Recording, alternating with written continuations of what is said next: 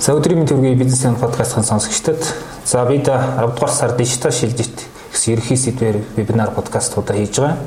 За ингээд энэ сарын одоо дөрөвт зочин багш маань ирсэн байна. За энэ хүн бол Digital Works компани бизнес хөгжил хариуцсан захирал Ганбаатар өдрийн мэнд. За өдрийн мэнд хүргэе. За баярлалаа. За тэгэхээр өнөөдрийн битэрийн ярих ярих сэдв бол нэлээд сонирхолтой.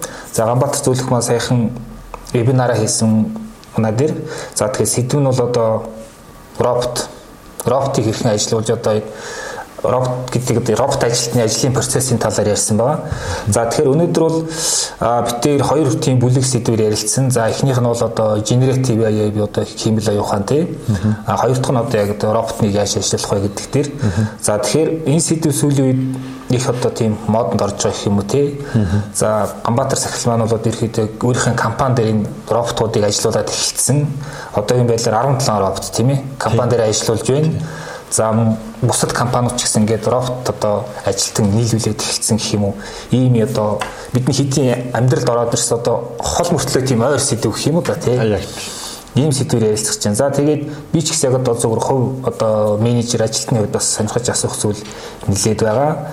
За тэгэхээр а одоо generative AI гэдэг яриад байгаа. Энэ маань яг одоо юу гэдгийг яг ойлголттой хөвднээс та товчхон эхлээд энэ яг юу гэдэг дээр хэлсэн дээрх тийм ээ.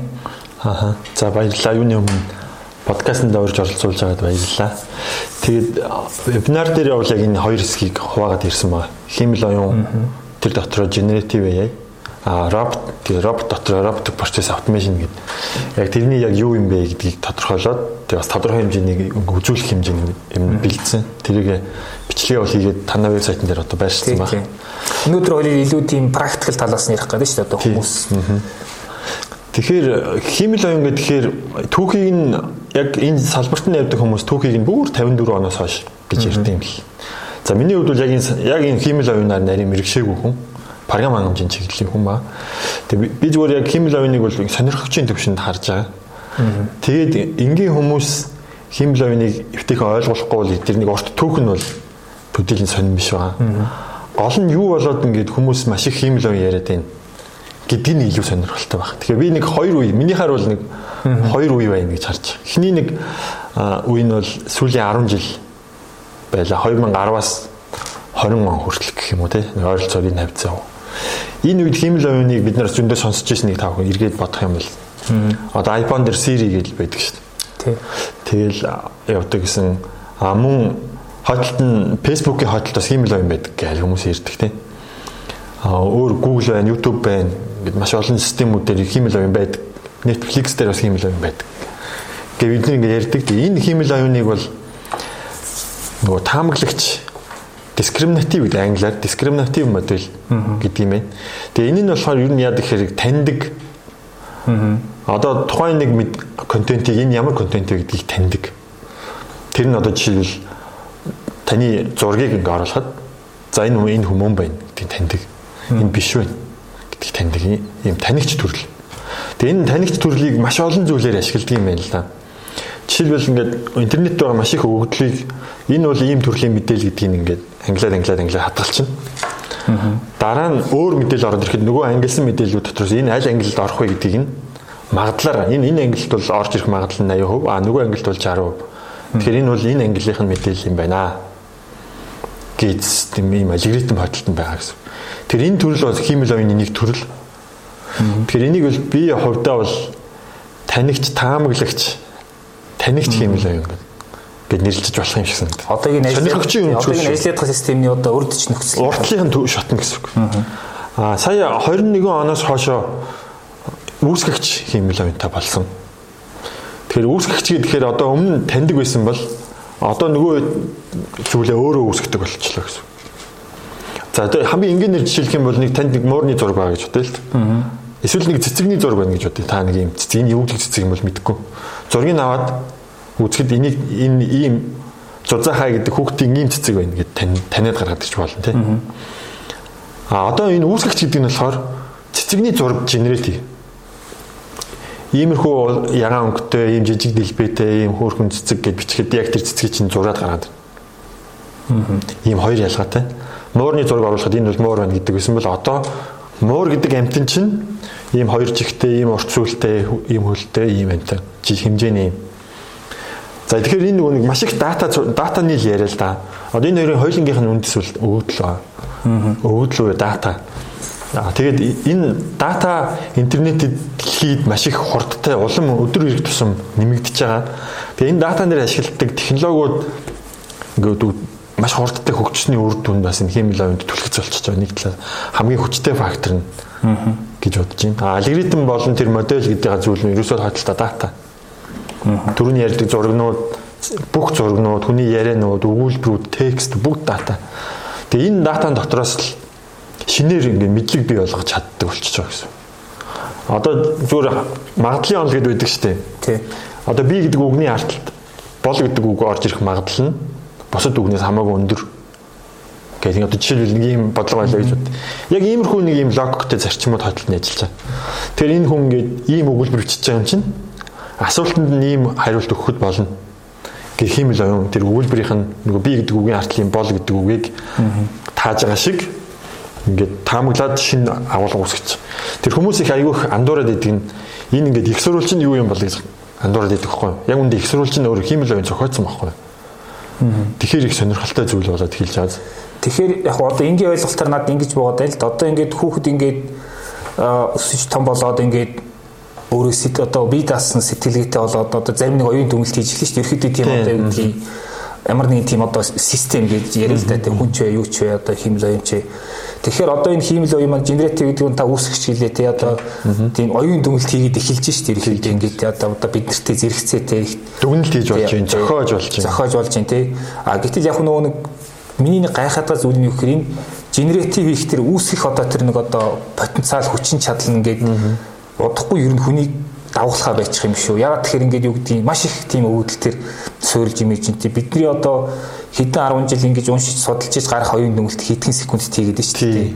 Тэгэхээр энэ маань ер нь цаашдаа яг юу болох вэ гэдэг нэг юм одоо уу те юм байхгүй. Ер нь хүн болгонд ийм айдас байгаа. Энийг ингээд ярихаар хүмүүс хамгийн хамгийн түрүү толгойд нөгөө Терминатор кино орж ирж байгаа. Аа. Тэг эн чинь өөрөө эргээд хүнээс илүү ухаантай болоод хүнийг өөрөө удирдах юм биш үү гэх. Аа Угаасаа энийг биднийг одоо ингээд олон нийт ингэж ярьж байна л та. Өмнө нь бол нөгөө Elon Musk энэ төр бүр технологийн бүр өмнө нь нэлээд алсыг харж байгаа шүү дээ. Тэр хүмүүс ингээд тэр ингээд дэлхий хаашаа ирэх нь бол 50 50% таа шүү гэ. Аа. Одоо ингээд хүмүүсийн одоогийн ингээд хөгжиж байгаа энэ зам ингээд гоё цаашаа хөгжинэ гэдэг нь бол 50% магадaltaй. Нөгөө 50% нь бол dark шүү гэж байгаа. Мэдгүй одоо тэрийг хэлэхэд хэцүү байна. Энэ хиймэл ов ингээд гэдэг нэг юм таамаглал явдаг шүү дээ. Аа За хүмүүс бол тэгж айж байгаа. За би ингээд сая энэ хим генератив AI-ыг барьж аваад судлаад одоо жил тойроод явчихна. Иннээс үл арах хамаалга. За. Энийний дараагийнх нь одоо юу гарахыг мэдэхгүй учраас би хэлж мэдэхгүй. А яг генератив AI бол контент үүсгэж байгаа байхгүй? Контент генерат хийж байгаа. Аа. Одоо дотор яаж ангилдгийг нарийн мэдэхгүй л да. Ямар ч үсэн нэг юм та нэг юм одоо хүн төрөлхтний анх нэг юм хотхтой болсон гэж бодъё. Би энийг үр жишээ авах дуртай. Нэг ийм хотго байгаа. Тэгээ энэ хотхыг бол ашиглахад маш хэрэгтэй хотго бол. Гэхдээ энийг буруу ашиглах юм бол бас аюултай зэвсэг. Яг одоогор бол нэг ийм хэрэгсэлт тэгвэл туслагч төдий байгаа. Одоо бол хэмэл байна гэдэг. Тэгэхээр энэ туслагчийг буруу ашиглаж магадгүй.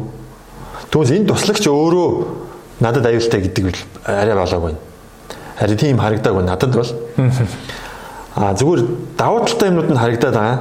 Ашиглахгүй бол эдийн засгийн талаасаа ингээ хоцрох юм шиг мэдрэмж төрөөд байгаа байхгүй юу? Хөгжлийн талаас эдийн засгийн талаас. Тийм учраас би ингээд подкастуудад ороод хүмүүст нэг нэг уриалга хэлээд яваад. Энэ химэл оюун гэдгээс нөгөө хүмүүс хүмүүсийн яриа сонссон айчаад тэг бүр хүрхгүй ингээ орхичод бити тэгээ та шууд ингээд ашиглаад үз. Одоо англи хэл би тийм сайн англи хэлтэй биш. Гэхдээ ингээд нэг ашиглаад одоо өдөр болгон ашиглаж байгаа. Өдөр болгон. Одоо хүний амьдралд янз бүрийн юм гарна шүү дээ тэр болгон дээр ашиглаж үзэж байгаа байхгүй туршилт хийж үзэж байгаа. Тэгэхээр энэ нэг удахгүй нэлийн өөр хэлбэр нь өөр болоод одоо заавал компьютерээр биш утсан дээр ч юм уу ингээд нэг хэлбэр нь ундаа болоо цаган дээр ч юм ингээд ороод ирэхээр бүр нэг том хүний байнгын зэх хэрэглээ болох байх. Тэр үед бол хүмүүс ингээд яах ёстойгоо ойлгоцсон байх байх.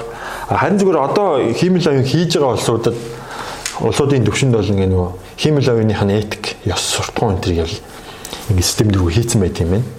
Одоо ингээд болохгүй юм асуултуудаа хэрэгээр асуугаад үзэхэд ийм тодорхой хэмжээний үгнүүдийг ороод ирвэл хариулт өгөхгүй уучлаарай гэдэг юм байна. Тэгэхээр ингээд нэг тодорхой хэмжээний юутай. А гол нь энэ хиймэл оюуныг бүтээж байгаа энэ бүтээгч хийж байгаа хүмүүс нь буруу зорилгоор ашиглахаар бүтээх юм бол маш эвгүй зүйлээс магадгүй. Тэгээ одоохондоо дөнгөж гарч ирж байгаа зүйл дээр заавал тийм юм хийх хэрэгцээ байхгүй байх. Ингээд хөгжил нь бол ингээд гүцэд гүцэд чулуул гэж найдаж байна.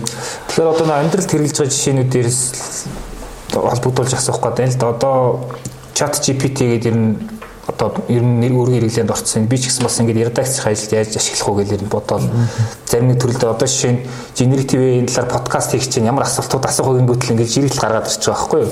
Тэр нь аюу амар одоо түрүүний таны хэлсэн чинь ассистент туслах туслах хэрэгтэй. А тэгэхээр одоохондоо бол ингээд зарим нэг контентийг яхад тексттэй ажиллахад ер нь илүү ашиглаж байна. Ер нь яг ямар сухал салбарууд одоо илүү их одоо тийм бүтээмжийг нийслүүлэх боломжтой харагдаж байна. Яг одоо бидний chat GPT сая Google-ийн гаргасан тэр Google Bard гэдэг ч юм уу тий. Энэ хоёрыг одоо монгол хэлний орчинд ч тийм ээ тий. Одоо монголчуудын хувьд Монгол хэлэн дээр бол асуудал байгаа хиймэл оюуны хэрэглэн дээр. Тэгэхээр одоогийн залуучууд бол англи хэл бас тийм асуудалтай биш шүү дээ бас бас ч гэж тийм үстэй. Тэгэхээр залуучууд ялангуяа ашиглаад эхлэх боломжтой болсон илүү ингээд ороод явна. Харин яг монгол хэл дээр ашиглах гэдэг дээр монголоор төдийлэн сайн биш. Энэ эргээд нөгөө өгөгдөлтэй холбоотой. Монголчууд бидний нөгөө интернетэд бий болгосон өгөгдлийн жим биш үү? Энэ үнэхээр өчүүхэн жижиг юм баггүй. Гүйхэн. Маш жижиг юм. Одоо англи хэл дээр маш том далаа шиг мэдээлэл байна. Хажуу талд нь хятад хэл байна. Тэгээ испани хэл байна, португал хэл байна гэдэг нэг олон юм үндэсний ярьдаг хэлүүд бол маш сайн. Аа цөөх үндэсний ярьдаг хэлүүд бол цөөх. Яг Монголтой адилхан ба. Ер нь ингээд төдийлэн сайн биш. Монгол бол бүр хүн аман цөөх дээр нь. Тийм учраас монгол хэл хамгийн бараг хойдолд нь явж байгаа бах. Гэхдээ хөгжиж байгаа. Одоо би энэ ChatGPT-гээ саяны таны ярьдаг систем нэгдэнгүүт нь кириллээр бичээд монголоор ингээ өгүүлбэр асуухад ингээд нэлээд тэнж хариулж байгаа байхгүй. Google Translate-ыг та хүн санаж ивэл эхэндээ муу байсан шүү дээ. Тий. Google Translate эхэндээ бол ингээд үгэл орчуулдаг гэсэн болохоос өгүүлбэрийг аяа чаддгүй байсан. Одоо бол нийлмэл өгүүлбэр янз бүрийн урт өгүүлбэр утгыг бол нэлээд сайн гаргадаг болсон байна шүү дээ. Тэгэхээр энэ бол нэг 4-5 жил ингээд сайжраа явж исэн бол ChatGPT-г харахаар өнгөрсөн жилийн миний өдийг ашиглаж байсан. Одоо 11 сард яг нээлттэнд болоод би ингээд технологийн хүмүүс хамгийн түрүүн барыг ашигласан баг. Тэгэл хамгийн түрүү орж ирэл Монгол бол саана байдаггүй гэж асуухад хариулт мэдэхгүй бүр ингээд англиар юу кириллээр асуухад Одоо бол тэр төвшний асуултан дээр ямар ч асуудалгүй хариулт болцсон. Жилийн дотор. Тэгэхээр энэ нөгөө хойдолд байгаа энэ хэмэл оюуны нэг том даваа тал нь энэ модель өөрөө сайжирдаг. Одоо 3.5 гээд ихний модель нь одоо өнгөө гарсан. Сая 4 сарын үед 4 гээд модель гарсан. Энэ хоёр хоорондоо 500 дахин ялгаатай хүчин хүчин чадлаа. Одоо дахиад 5 ч юм уу 4.5 ч юм уу ингээ гарах байх л та. Тэгэхээр энэ хилний энэ асуудал дагаад маш огцом огцом дээшилж байгаа. Тэгээ юу юугүй монгол хэл ер нь илүү ороод ирэх байхаа гэж би бас итгэж байна. Яагаад тэгэхээр хэдийгээр одоо энэ нөгөө өмнөх үеийнхэн модельүүд датаны хэмжээнээс хамаарч исэн бол яванда датаны нөгөө чанараасаа илүү хамаарат хэмжээ тийм чухал биш. Ингээд ирэх юм боломжтой. Алгоритм нь өөрөө сайжирч байгаа. Нөгөө химэл оюуных нь өөрсдөө тэр параметр энэ төргээд оролтын өгдөл төвшингүүд нь өөр болж байгаа юм дээ. Тэгэд хөгжиж байгаа. Тэгэхээр эн чинь дүнгиж гарч ирээд нэг жил болж байгаа технологи байдаг шүү дээ. Тэгээд ингээд хөгжих нь тодорхой харагдаад байна. Тэгэхээр монголчууд удахгүй энийг монголоор хэрэглэх байх гэж бодож байна. А мөн таны нөгөө асуусан хамгийн их нөлөөнд нь орж магадгүй хамгийн их бүтээмж хэрэгтэй байгаа газар гэдэг. Манай компани өөрөө хүний нөөцийн програм хангамж хөгжүүлдэг компани байхгүй. Тэгээ манай компанид 3 хүний хүний нөөцийн систем гэвэл 3 систем байна бүр. Том том enterprise байгууллагуудад зориулсан гэрийн HR-ын систем байна. За энэ байгууллагыг нэг том групп компаниуд ингэ ашиглаж байгаа. Бид нэг 10-аад жил энийг хөгжүүлээд явж байна. Дахиад цаашдаа энэ дэр хийх юм зөндөө. А төрийн хүний нөөцийн системийг бас бид нэр 20-оноос хойш хийгээд явж байгаа. Тэр энд төрийн нэг 200 мянган байгууллага бас 200 мянган ажилтны мэдээлэлтэй 500 юу биш 5 мянган байгууллага ашиглаад явдаг ийм систем. Тэгээ бидний жижиг дундад зориулсан бас Divo гэдэг систем хийсэн ба. Хүний нөөцийн. Хүний нөөцийн баг. Тэгээ өмнөх нөгөө 3 4 сарын танай подкастаар би бас энэ системийн тухай ярьж ирсэн. Тэр ийм 3 систем хийгээд бид нар ингээд яг хүний нөөцийн салбарт ажиллах хүчний салбарт ингээд ажиллаад явж. Ерөөсө хамгийн хэрэгцээтэй зүйл яг энэ яг энэ салбар дээр байна. Бид нар ингээд байгууллагууд хүний нөөцийн програм хийж өгөөд явж байгаа. Гэхдээ хүний нөөцийн хамгийн том асуудал нь бол ажиллах хүчний дутагдал байхгүй байгууллагуудад. Одоо ингээд харах юм бол Монгол аягүй сонин сонин юм болж байна л та. Заартай хорхон ирэхгүй байна гэдэг, ажиллах хүч бага байна гэдэг, гадуур хүмүүс ажил олдохгүй байна гэдэг нэг юм байгаа шүү дээ. Тэрийг ингээд хүний ур чадвар, ажилтны байгууллагын хүсэж байгаа төвшин, нийт ажил хийх, ажил хэрэгтэй байгаа ажлын байрны орон тоонууд энэ ингээд эрэлт хэрэгцээнд бүр маш их зөрүүтэй байгаа гэж шинж байгаа. Тэгээ сая судалгаа ингээд харж байхад Монгол улсад ийм ажиллах хүчин нэг сая 100 орчим мянган хүн ажил ажиллах хөдөлмөр эрхлэх насны байгаа. Тэгээ энэний нэг 600-аас 700 мянган нийгмийн татгалаа төлж байгаа байхгүй. Тэгэхээр бус нь одоо мэдхгүй одоо ажил хийхгүй ч юм уу эсвэл хуваарь юм хийгээд явж байгаа юм мэдхгүй. А тэгээд дээр нь бид нар чинь цөөхүлээ. А тэгээ Монгол улсад олон компаниудтай бас тэгээ 10 мянга 60 мянган бие аж ахуйн нэгж байдаг гэж ярьдаг тий. Тий, үйл ажиллагаа явуулж байгаа гэсэн ангил дотор тий. Тэгж бүгдээрээ ингэ хуваагдаад орвол нэг компани 10 хүн байх юм хаашин тий. Ийм болчиход байгаа байхгүй. Тэгэхээр энэ робот энэ хиймэл оюун гэдэг бол Монгол улсын яг энэ компани хөгжил, энэ компани бүтээмжд юусэн хамгийн чухал гэж би бодож байна. Ховын дүгнэлт бол. Тийм учраас манай компани хүний нөөцийн систем хийхээс гадна энэ робот туслагчдыг зах зээлд нийлүүлж эхлэе ийм компаниудыг дахиад жолон болох байх гэж найдаж байна. Одоогор бол байхгүй л шүү. Тэгээд байгууллагуудад одоо түрүүний таны дурддаг 17 робот чинь бол манай компаниас гадна өөр компаниуд ажил хийгээд цалингаа авч байгаа. Ийм роботууд байхгүй. Тэгэхээр робот гэдэг чинь нөгөө энгийн хүн хоёрын давуу тал. Робот бол хэдийч бид нар үйлдвэрлэх боломжтой. Одоо сая 100 ажилтан байна шүү дээ. Монгол улсад ажил хийх боломжтой. Бид нар дахиад сая 100 робот хийх боломжтой байхгүй. Тэгэхээр ийм том боломж бас нэг талаасаа нөгөө талаасаа бид нар энийг хийх ёстой ийм ажил. А тэгээд дэлхийн хөгжил угаасаа энэ дээр гэдэг эрчийг авч штэ. Тэгээд уучлаарай яригнаас.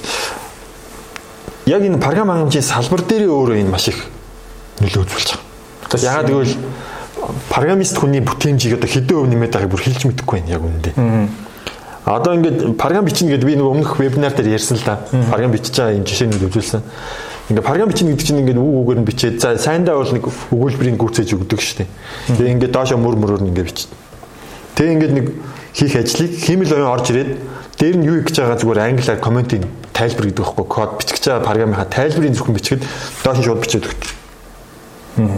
Энэ одоо хэдэн хувь хурдлуулаад байгаа юм цааш хэмжиж одоогор та нар юу хийж чинь тэрийг нь яаж одоогор би манай манай компани дээр софтверийн 3 компани байна. Манай групп Тэгээ энэ гурван компани гурлаа бүх девелоперуудаа аваад өгч ашиглаж байгаа. Тэгээ ингээд эхнээсээ сураад девелоперууд маань өөрсдөө бас тэрэн дээр яаж ажиллахаа ингээд сураад явж байгаа. Робот хамтарч ажиллаж байгаа. Юусоо ингээд програм бичдэг юм дотор нь ороод ирсэн. Удахгүй энэ Excel дотор орж ирэх гэж байгаа. Тэгэхээр энэ Монголд ч тийм дэлхийд бол ороод ирсэн ба. Excel дотор ороод ирвэл та ингээд Excel-ийн томьёо ингээд тэнцвэг нэмдэг тавьж байгаа томьёогоо бичээд ингээд бичдэг шүү дээ.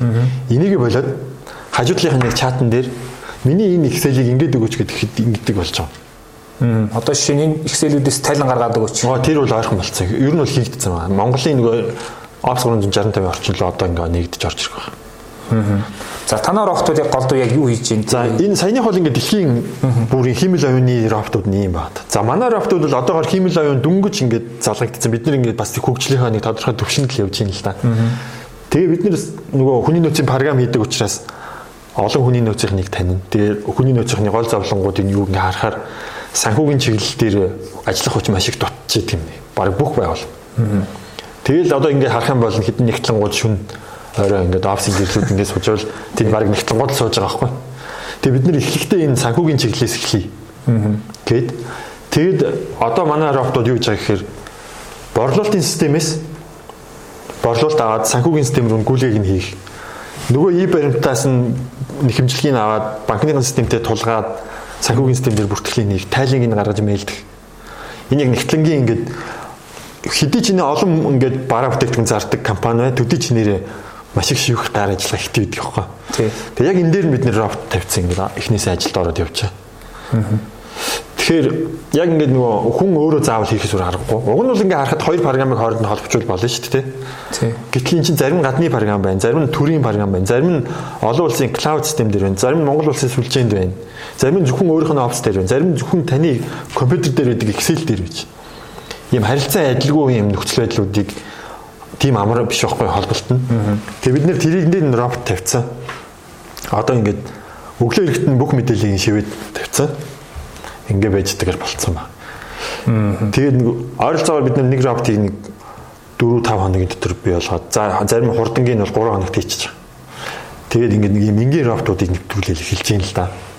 А энэ жилийн бидний бас нэг зорилго болохоор энэ роботууд дотор хиймэл авины ингээд алхмуудыг бас оруулж ирээд зарим нэг тодорхой шийдвэрүүдийг гаргадаг. Зарим нэг мэдээлэл дээр дүн шинжилгээ хийдэг. Зарим нэг одоо менежерийн хийх ёстой ажилд нь туслаад өгдөг. Одоо бол энгийн ажилтны туслагч гэдэг концепттэй явж байгаа. Бидний дараагийн харж байгаа юм бол менежерийн туслах гэж харж байгаа. Тэгэхээр компани юу тодорхой хэлтэс нэгж удирдах байгаа менежер хүн ямар асуудалтай яг юу хийдгийг те тэрэнд нь хэмэл авинаар туслана хийх бололцоотой. Тэгэхээр тэрхийн тулд өмнөх нөгөө энгийн ажлын төвшингүүд нь өгдөлттэй байх хэрэгтэй Тэгээ тэр өгдлүүд нь системтэй стандарттай байх хэрэгтэй. Гээл ингэж явж байна да. Аа. Сонирхолтой юм тий. Тэгэхээр одоо ингэж яг манай улсын эдийн засгч нь ингээд худалдаа үйлчлэгээ голсон юмны бүтцтэй шүү дээ. Одоо хамгийн одоо ажлын үйлдвэрлэл үйл ажиллагатай үйлдвэрлэл баг тий. Тэгээд ингээд тийг нь харахаар ингээд одоо тийм захиргааны шинжтэй гэх юм уу байнга давтагддаг одоо нөгөө борлуул тэгэл тайлан тооцоо одоо юу гэдгийг харилцагч үйлчлэгээд нэг тийм нийтлэг айгу байнга хийдэг. Тэгтээ хүн хийхээс аргагүй тийм хэсэг функцуу процессод байгаад байна шүү дээ. Тийм их байна. Тэгэхээр одоо юу гэдгийг нэг 100 хүнтэй юм ийм дунд хэмжээний худалдааны компани нэг хэдэн дэлгүүртэй шиг тийм аваад үзэхэд нэг тэн дээр юм яг энэ робчууд AI ер нь энэ яг одоохондоо биш ч гэсэнтэй ер нь явцтай ер нь яаж хэдэн хувьд ч юм уу автоматжуулж тэмж яаж нэмэх үтэй тийм хоёрын тийм загвар гарах гэвэл тэрийг одоо тайлбарлах үзэж үеийн компани болох гэж үзье гэж бодъё л да тийм энэ бизнесийн онцлогоос нэгдүгээрт хамаарна. За мэдээж онцлогоос хамаарна гэдэг нь бүх ажлыг роботоор хийх боломжтой компани ч байж магадгүй. За энийг бол түр орхич тий энэ бол арай мөрөдл юм байна. За тодорхой хэдэн хүн гэдэг дээр юм судалгаанууд би харсан. Одоо Deloitte гээд олон улсын консалтингийн фирм байдаг шээ. Эднийхээс энэ роботууд ирж байна.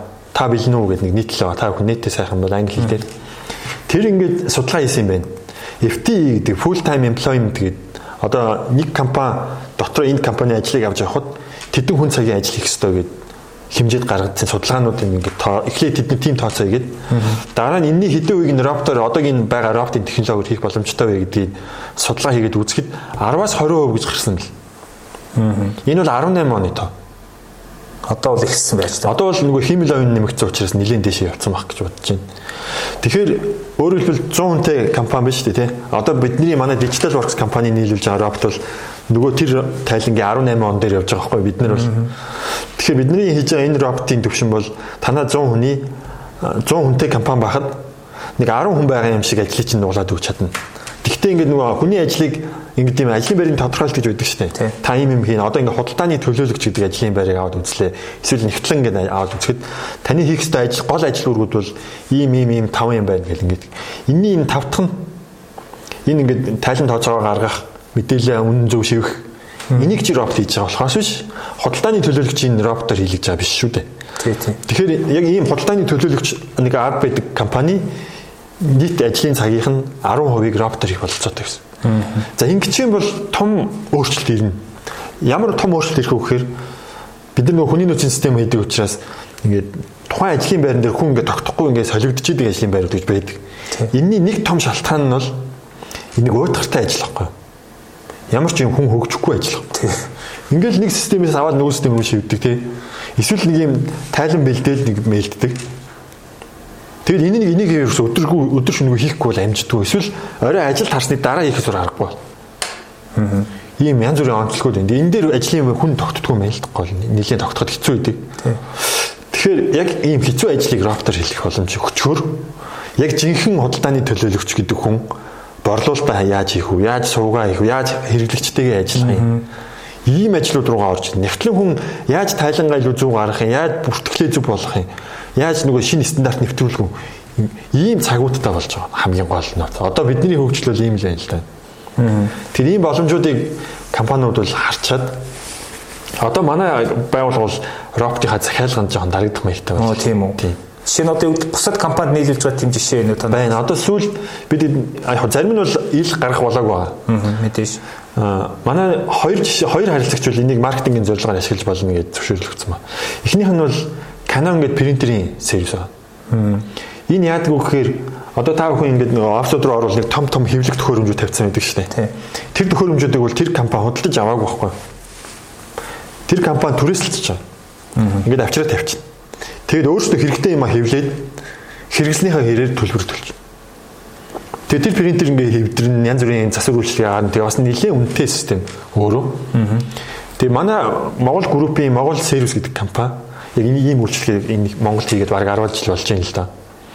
Тэгээ баг 200 принтер байгаа хаа би яг нарийн тоог нь мэдэхгүй байна. Зөв зөв. Улаанбаатар хотын офсуудаар ингээ байж.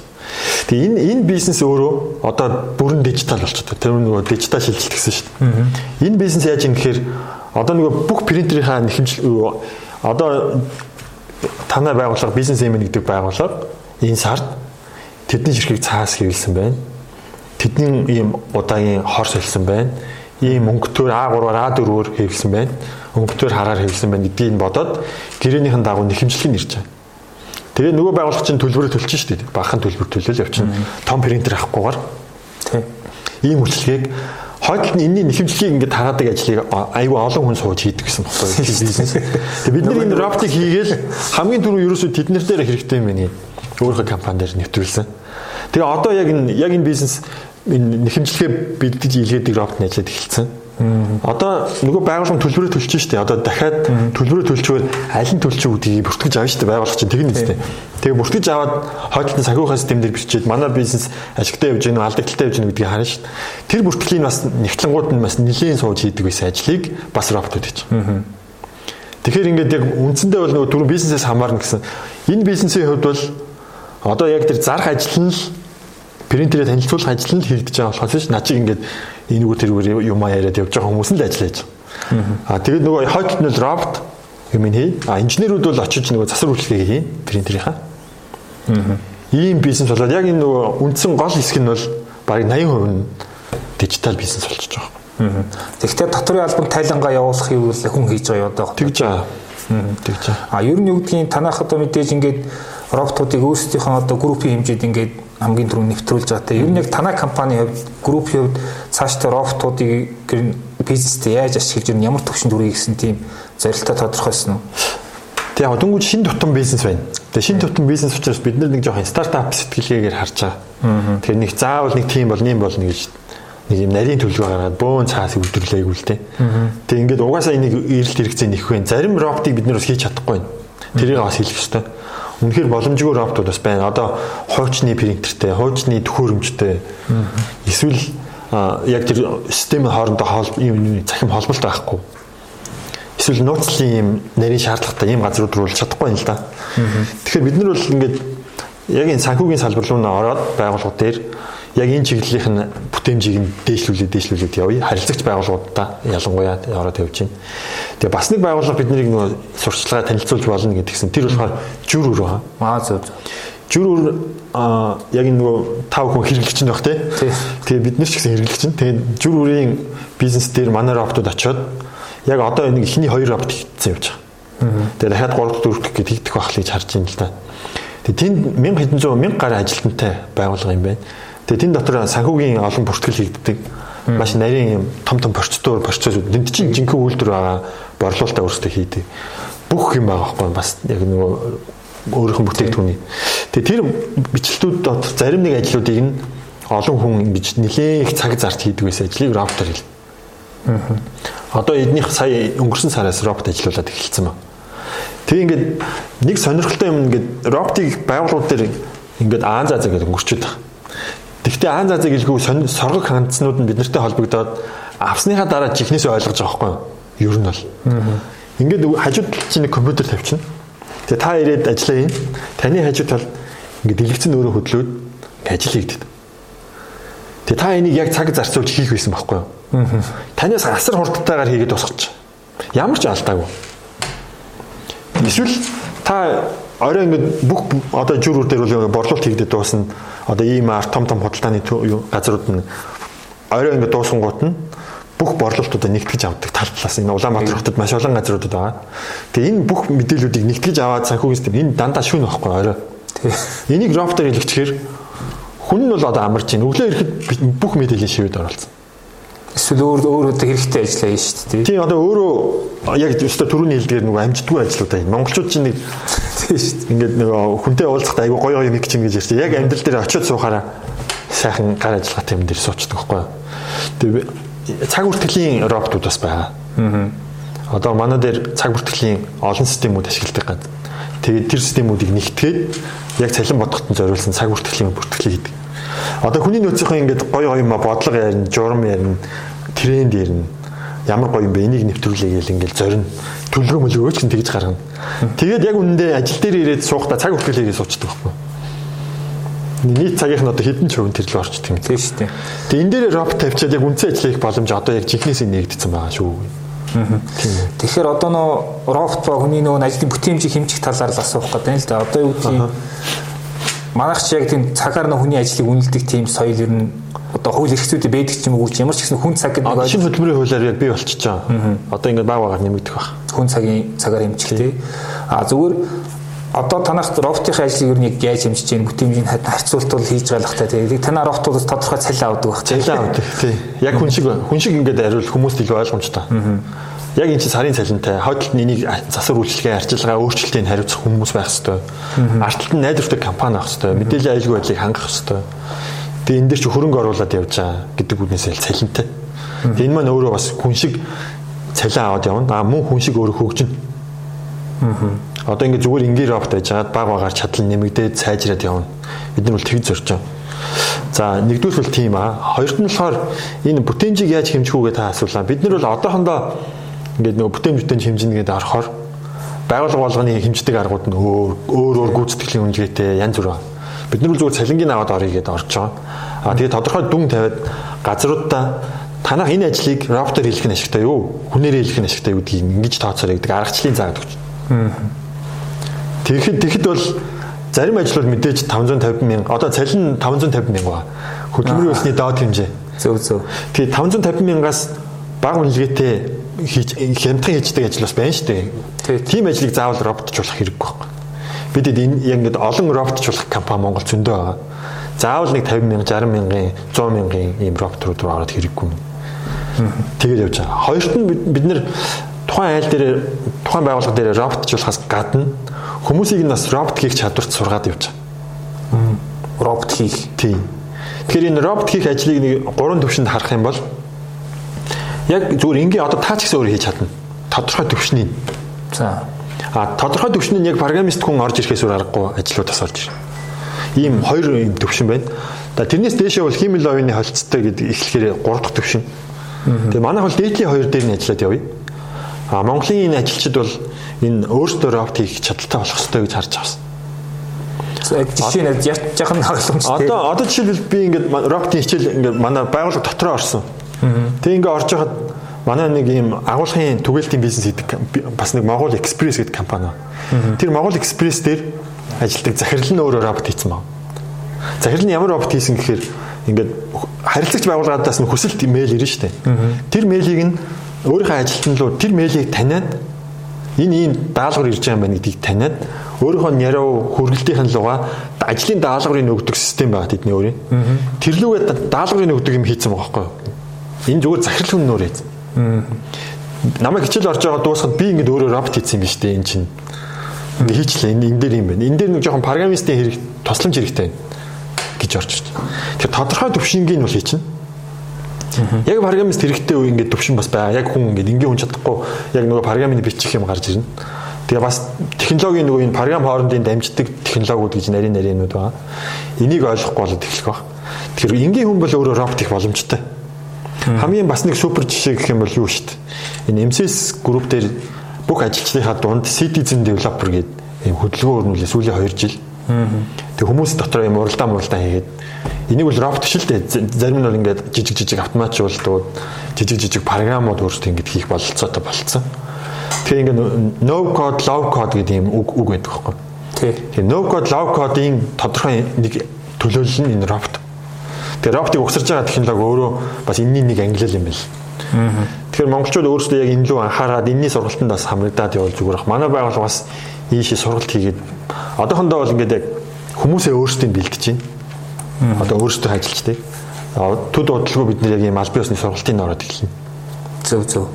Тэгэхээр одоо нөө монгол хэл гэрж байгаа төвхтэйгээ ярьжсэн ялангуяа ингээд чат GPT тэрийг яхаар а гэхдээ юу гэдгийг одоо ерөнхийдөө ингээд бизнес одоо бизнес хийж байгаа ч юм эсвэл одоо миний үеийн залуучууд ерөөхдөө бас нэг англи хэлний нэг юм юутай шүү дээ. Одоо төвшин байгаа шүү. Төвшин байгаа. Одоо үгүй ядаж ингээл зүгээр Google Translate руу ороод англиар нь гаргаж аваад chat GPT-гээд асуулт тавиал яхад ингээд тодорхой текст гараад ирж шүү дээ. А тийм одоо англи хэлний тодорхой төвшинтэй хүмүүс ажилдаа ер нь chat GPT, Google Bard энэ ийм одоо чат суурсан одоо энэ хэмэл оюун системийг нь яаж үр дүнтэй ажилдаа ашиглаж болохоор энэ дээр би одоо сая өнгөрсөн сар Монгол группийнхаа менежерүүдэд сургалт орсон юм. Тэгээд би тэн дээр ийм уриалга хэлж байгаа.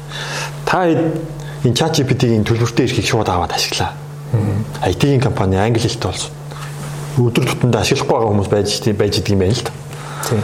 Яг одоо ашигла яг одоо аккаунт бүртгүүл бүр гэдэг ингээд шахаж байгаа бүртгүүлсэн. Тэгээ эргээд хүмүүс бол над талархлаа илэрхийлж байгаа. Энийг ингээд сонсоод исэн болохоос биш. Яг ингээд ашигласан чинь энэ чинь ямар олон ямар супер юм бэ? Гэхдээ яг ашиглах гэхээр юу юм бэ? Англи хэлний асуудал нь бас гарна. Тэгэд мөн энэ хиймэл оюунтай ажиллах ур чадвар гэж бас нэг юм гараад ирчихсэн. Ийм хоёр юм тулгарч байгаа байхгүй. Тэгэхээр нэгдүгээр англи хэлийг бол за хүмүүс ихэнх нь одоо бас арайчтай бас тийм өдөд чинь нэг англиар ойр зүр юм аа бичиж штэ. Тэг ярих гэж байгаа биш юм чинь. Тэгээ монголчууд чинь битгий хэлэндээ бас аваа гайгүй юм бас нэг аваа штэ юм. Аа нөгөө энэ англи хэлний энэ асуудлыг яаж шийдэхээ Google Translate ашиглах гэдээ би тэгж байна Google Translate ашиглах хамгийн одоо миний нөгөө англи хэл муутай хүний know how бол ерөөсөө монгол өгүүлбэрээр богинохноор бичээрэй. Аа. Цөөх хүүхдтэйгэр. Нөгөө нэг үргэлжлсэн үг тавиал дасал тавих тусмаа цаатлын орчуулгын чадлыг шалгаад эхэлж байгаа байхгүй. Богинохоо өгүүлбэр бол яг тэр үчи ямар ч алдаагүй орчуулна. За энийг мэдээд авчих тэгээд Google Translate ашиглаж. За ингээд англи хэлний асуудлыг ингэж шийдээрэй гэж. За энэ бол багийн хүн бол чадна. За хоёр дахь нь тэр хиймэл оюунтай ажиллах чадвар гэдэг. Одоо энэ дэр жишээлбэл хүн ингээд химэл оюун айгүй ерөнхий юм асуух юм бол маш олон янзын хариулна. Дахиад асуухаар шал өөр юм ярина. Мэдээж шүү дээ, тий. Ерөнхий юм ярьж байгаа юм чинь. А яг тодорхой маш тодорхой юм асуух юм бол маш тодорхой хариулт өгч чадна. Тэгэхээр химэл оюуныг ашиглахдаа нэгдүгээр энэ нөгөө хит ерөнхий ярихгүй байх хэрэгтэй. Яг тодорхой аль болох тодорхой байх хэрэгтэй. Тэгэд яаж тодорхой болох вэ гэхээр хэрвээ ингээд ганц өгүүлбэрээр тодорхой болгож чадахгүй бол ийм алсаас төхөж ирж болно. Нэг ийм арга ба. Аа. Одоо би 4 сардын байгууллага дээр нөгөө mindset буюу сэтгэлгээ growth mindset-ийн сургалтыг би та хэдэд энэ сургалтыг та 30 минутанд би та нарт сургалт би өөрөө тэр сэтгэл хичээл орж үзээгүй. Аа. Яг ийм хичээлийг та нарт 30 минут дотор бэлдэж өгч үзүүлье гэх. Нэг компанийханд химэл оюунаа л үзүүлжсэн. Тэгж яхтаа би яг ингээд шууд майндсетийн тухай ярьсан чинь нэг л болдгоо. Тэгээ би тухайн үед нь ингээд хүн гэж юу хүн гэдэг амт бүр жоохон алсаас эхлэе гэж бодоо. Хүн гэж амт юу юм бэ? Тарих гэж юу юм бэ? Тэгээ яг ажил дээр ажил ажил ба юу амьдрал хоёрын балансын зааг нь юу ингээд ингээд дөхөж явж хагаад тэгээд яг ажил дээрх майндсет рүү тэгж оруулж ирж байгаа байхгүй. Аа. Тэгж оруулж ирэх. Тэгэхээр ингээд нэг жоохон зайнаас цуврал асуултаар илүү тодорхой болгож болно. За ийм нэг техник байна. Тэгэхээр энийг бол хүмүүс бас чадна шүү дээ тий. Ингэчих юм бол саяны миний энэ өгүүлбэр бол маш үнэтэй өгүүлбэр байхгүй. Энэ ур чадварын энэ чадварыг олоод авчих юм бол нөгөө химэл оюунаас гаргаж чадахгүй сүр дүнгээ гаргаад эхэлж чадна. Одоо яг инженер үнэхээр сериус юм байна. Орыг хэрэглээ өдөр болгон хэрэглээ болоод эхэлнэ гэсэн. А дараагийнх нь болохоор химэл оюун дээр ийм prompt engineering гэдэг өгүүлбэр байгаа. Саяны энэ бичиж байгаа хиймэл оюунлага өгж байгаа командуудыг ерөнхийдөө prompt гэж ярьдаг. Хүсэлт. Тэгээ тэр prompt-ыг өгөхөд нөгөө prompt-ыг нөгөө хиймэл оюунч цаана харж чаад за энэ хүн ийм юм энэ дотор бол энэ бол асуулт юм байна нэгдүгээр. Хоёрт нь дотор нь ийм юм асууж байгаа юм байна. Тийм болохоор ийм юм зохиоё гэд нөгөө үүсгэгч ажиллаж байгаа байхгүй цааталтай нөгөө түрүүний ярьдаг. Тэгэхээр энэ prompt-ийн prompt-ыг яаж оновчтой хийж сурах уу гэдэг яриа. Тэгээ Facebook дээр нэг энд тэндээс өөрөө ингэ заримдаа бол өөрөө ингэж ашиглаж авч байгаад гоё промпт олно. Яг хэрэгтэй промпт. Заримдаа бол бүр гоё хүмүүсийн ингэ олсон ийм промпт байна гэсэн юмыг олж хаваад тэрийг ашиглаж үзээд тэгээ ингэ Facebook дээр өдөртийн daily prompt гэдэг гой гой промптуудыг бас оруулж оруулаад эхлэе гэж бод. Жишээлбэл ингэж байхгүй 82-ын зарчим гэдэг шүү дээ. Тий. Паретогийн зарчим. Паретогийн 82-ын зарчим. Одоо хүн юм сурах гэж байгаа бол гол юм гэлс сураад авъя. Хүн чинь нэг юм сурах гэж яг гол юм нь юу юм бол гэдгийг мэдгэд хэцүү гэдэг шүү дээ. Мэдэхгүй юм чинь. Яагаад гэвэл мэдэхгүй сэдв сурах гэж байгаа юм чинь. Тэгвэл промпт нь бол чи 82-ын зарчмаар тэр сэдвийн хамгийн гол 20% гаргаад өгч. Энэ бол гоё промпт байгаа. Сүүлийн миний Facebook-ыг өгөх юм бол яг тийм промпт байж байгаа. Тэрийг хуулж аваад юун дээр ашиглаж болно жишээл. Ажилтаа. Ажил дээр.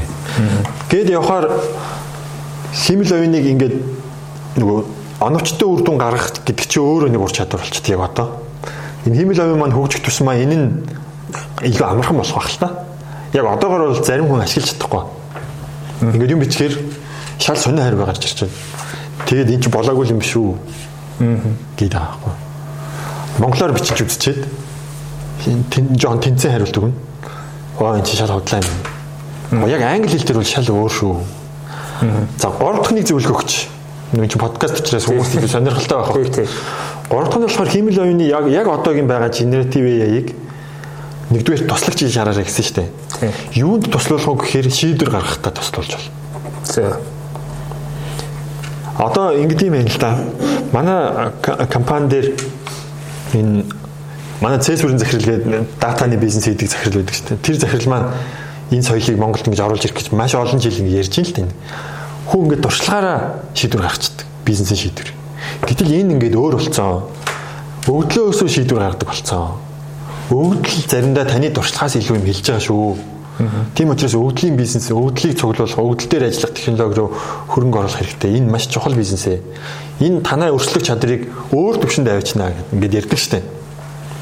А тэгвэл одоо би зөвлөгөө өгч байгаа химэл оюуныг туслагч шийдвэр гаргахтаа ашигла гэж байгаа мэдээж хүн ингээд туршлагаараа шийдвэр гаргахаараа А Б хоёрхан сонголтоос сонголтыг хийх гаргаж байгаа байхгүй. А химэл оюунаар бол би ийм шийдвэр гаргах гэж байна. Ямар сонголтууд байна надад хэлээд өгөөч гэдэг промпт зохиогоод асуу. Одоо би аль сургууль сурах вэ? Би ийм сонирхолтой гэдэгэд тэгээд ийм тэтгэлэгтэй ийм сургуулиудыг гаргаад өгөөч гэдээ асуухад лавл таны мэдхгүй 10 сургууль гарч ирнэ. Ер нь бол гэж бодож байна. А эсвэл яг ийм шийдвэр гаргах гэж байна. Бизнесийн тийм энэ ямар ямар хувилбар байж болох вэ гэдэг юм. Тэг жишээлбэл би нэг ажиллах хүчний дутагдал гэдэг. Одоо Монгол шиг ийм жижиг дунд улс тэгээд хүн ам цөөхөн гэдэг нэг уртлын промптуудаа сайн өгч жагаад ажиллах хүчнийхээ дутагдлыг улс орнууд яаж хийдэг юм бэ гэж асуусан. Тэгэхэд 8 юм гарч ирж байгаа байхгүй. 8 сонголт байна. За би санаанд байгаас ганц нэг нэр чи би бас блог бич тэрийг блог болгоод оруулсан. Жишээлбэл сая энэ ковидын дараа Австрал ажиллах хүчнийхээ бодлого дээр өөрчлөлт оруулсан юм биш. За. Тэгээд нөгөө ийм зарим улсуудын хүмүүсийг наашин татах бодлого яваад визнийхээ бодлогыг өөрчлөөд тэгээд орж ирсэн хүмүүсийнхаа нөхцөл байдлыг зөөллөд явцсан байгаа байхгүй. Тэгэхэд химэл оюунаас асуухад танах ажиллах хүч дутмаг байгаа бол мэдлэгтэй ажиллах хүч авчрах бодлого хэрэгтэй. Энийг засагтай хамтарч хий. Тэгээ энийг хийхдээ бол энд ажлын байр нь байх хэрэгтэй. Амьдрах орчин гэдэг хоёр юм шийдээд явчих юм бол ингээд дэлхий дээр танай улсад ирж амьдрах сонирхолтой хүн бол байгаа. Ягаад гэвэл цөөхөн хүн амтаа улсад амьдрах сонирхолтой хүн маш их байдгаа гэж байгаа байхгүй. Жишээлбэл энэ одоо би лав юм ярьж байгаа за дарга сонсоогүй. Тэгэхээр энэ бол ингээд нэг хувилбар нь. А нөгөө хувилбар нь бол за робот, роботыг бол хэлсэн. Ийм технологиг нэвтрүүл. Тэгээ энийг бүр үндэсний хэмжээний хөтөлбөр болгоод нэвтрүүлээ гэж. Гэтэл энийг төрийн байгууллагад нь одоо энэ роботыг ажилд яаж оруулахаа би мэдэхгүй байна Тэгтээ оруулах хэрэгтэй юм. Хэрэгцээтэй. Одоо бид нар төрийн байгууллага дээр нөгөө төрийн хэмнэн нөхцөл систем хийсэн гэсэн шүү. Тэнд бол ажиллах хүч асар дутагдaltaй. Ерөөсөө ажиллах хүч нь 100% явж байгаа төрийн нэгч байгууллага байхгүй. Тэний баталгаатай тэр үл ерөөс. Ингээд хагцаа явж байгаа төрийн өмчийн компаниуд нэг өөр байх. Бус нь бол дандаа дутуу явж байгаа байхгүй. Цөөхөн хэдэн хүний нуруунд дээр төрийн байгууллагууд явж байгаа. Тий. Тийм учраас төрийн байгууллагуудын үйлчилгээ юмны доголдол ихтэй байгаа. Тийм учиртай байхгүй. Тэгэхээр ийшээ ингэ дропт оруулах гэхээр яаж явах нь тодорхойгүй жишээлбэл цаасан дээрх процесс нь ч ойлгомжгүй байна. Ойлгомжгүй тийм. Тэрийг ингэ нэг хүн хийчихээ нь нэрэд буруу гэх баг. Харин тийм шүү дээ. Тэгэхээр ингэ ийм ийм асуудал. Тэг гих мэтлийн ийм 8 аргын баг 8 дээр нь энэ дропт байгаа байхгүй. Минийхаар бол ингээд ажиллах хүчин дутагдлыг л роптор хийнэ гэдэг ингээд. А зарим байгууллагууд бол энэ хүмүүсийн ур чадрыг хөгжүүлье. Хэдийгээр ажиллах хүч дутууч гэсэн бас нэг нөгөө 82-ын зарчмаар ярих юм бол яг үүндээ ур чадвартай хүн илүү хэцүү байгаа байхгүй юу? Ур чадвартай сайн хүн олдох нь илүү хэцүү. Тий. Ур чадвартай нэг ажлын хоньоос явцдаг хүн ийм хүн олгох ч хамгийн хэцүү шүү дээ Монголд тий. Тэгэхээр ийм хүмүүсийн бол ур чадрыг хөгжүүлэх замаар би болгоно гэд зарим байгууллага ингэж явж. Тэгэхээр ур чадвар гэснээс нэг зүйл бас асуух хэрэгтэй гэж бол юу гэхээр за роботчуулт одоо тэр юу бол ялангуяа AI суурилсан робот ажилтнууд бол зайшгүй болчихлоо. Ер нь л энэ цаг хугацааны асуудал хэр удаан хурдно гэдгээс тэгэхээр одоо эрт ойлгосон логик гэдэг шүү дээ тий. Тэгэхээр яг нөгөө талдаа нэг ямар эффект гарч ирэх гээд нэхэр одоо зарим ажлыг хүн ингээд нөгөө яаж хийдэг гэсэн бүр хэцтэй мартах шинжиргүй явна л та тий одоо юу гэдэг. Тэгээд нөгөө нэг роботууд ингээд айгүй олон ажлын байрлал ороод ирэхээр хүн өөрөө нөгөө нэг яаж хүн байх вэ? Яаж бүтээлч байх вэ гэдэг чинь шүү дээ. Одоо дараагийн. Тий, одоо юу гэдгийг би жишээ нэг YouTube дээр ингээл нэг юм үзчихэд л ингээл дагаал янз янзын төстэй контент уусаа Facebook бол бүр сайн хийж байгаа тий. Тэгэхээр ингээд хүн нөгөө нэг өөрөө ирж шаах гэдэг чинь бас нэг тийм амттай ажил байдаг шүү дээ тий. Нэг ирж тий тэр нэг гоё туршлага тэр нэг мэдлэг олж авах тэр нэг амт ингээд зарим талаар ин байхгүй болчих гээд юм шиг. Тэгэхээр хүн яаж нөгөө нэг тийм одоо оюун сэтгэлгэлээс хүн хүн шиг байх вэ гэдэг асуудал бас гараад ирж байгаа шүү дээ. Энийг хүлэн зөвшөөрөх хэрэгтэй л дээ. Одоо хоёулаа бүр ингээд урагшаа жоохон түүх ярил л хүмүүсийн мэддгийг. Одоо ингээд хүн гараараа ингээд нөгөө анжис гэж яддаг шүү дээ тий.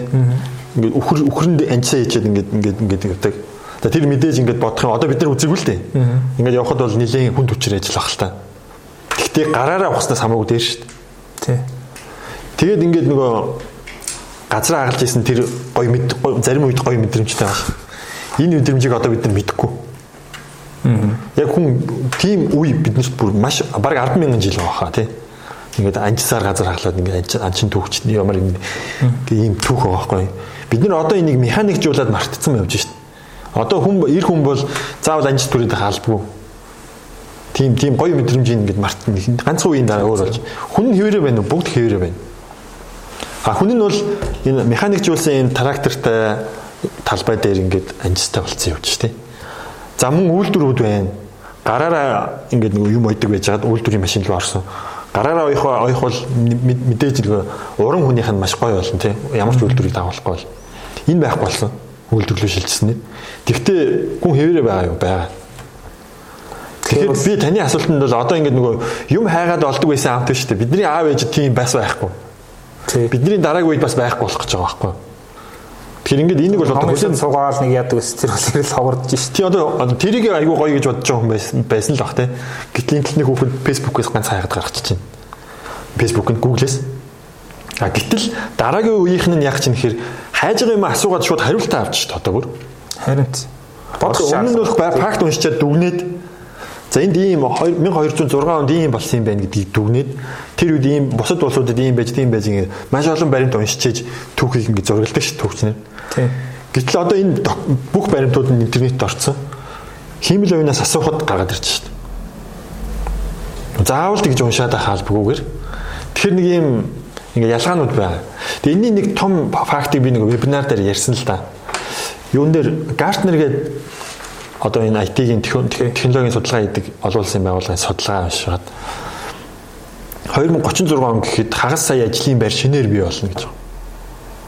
Алга болох биш. Аа. Мэдээж алга болно. Мэдээж зарим ажлууд ингэж хэрэггүй болно. Одоо заавал өөрөө нийт явахад ах хэрэггүй болно. Google-ийн нэг алдартай ингэж бичээд хайдаг юм өөр болж шүү дээ. Тийм том уу.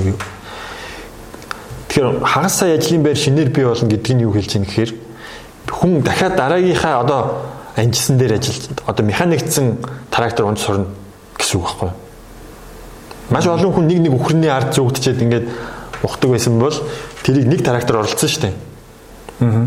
Тэнд тракторын ур чадвараас гадна засварчин гэдэг ингээд бензин тос төхөөрөмж гэдэг том индастри үүсчихлээ шүү дээ. Аа. Яг ийм юм болж байгаа дахиад. Дахиад нэг юм том өөрчлөлтийг бид нүдэрээ харах нь байна роботтой оюухан хиймэл оюунтай хиймэл оюунтай хослцсон юм ер нь хүн шинэ ажил хүн хүн хиймэл оюун хоёр хослоод явах үе ингэж эхэлж байгаа юм байна л гэж харж байна. Тэгэхээр 2036 он хүртэл ингээд ингэж ингэж хөгжих юм байна гэдэг юм төсөөллүүд гараад эхнээсээ судалгаанууд гараад ажлын байр шинээр бий болох юм байна гэдгийг судалсан юм байна. зарим ажлыг хүн хүнээс илүү одоо хүн төрөлхтөн чинь ингээд багаж тоног төхөөрөмжөнд хөгжижсэн ч гэсэн яг багаж нь өөрөө хөнгүүгээр юм хийнэ гэж байхгүй шүү дээ. Одоогийн энэ багаж чинь хөнгүүгээр юм хийх чадaltaй болчиход энэ л гол нь. Тий. Гол ялгаа нь Багаж хичээлэхэд хэцүү болчиход. өөрөө ухаантай багаж болох гэдэг шүү дээ. Тий. Гэхдээ яг хүнтэйгээ хосолж байгаа шүү одоо л. Яг цэвэр бие даах бол болоог байх гэж бод. Цэвэр бие даалгачихгүй үсттэй.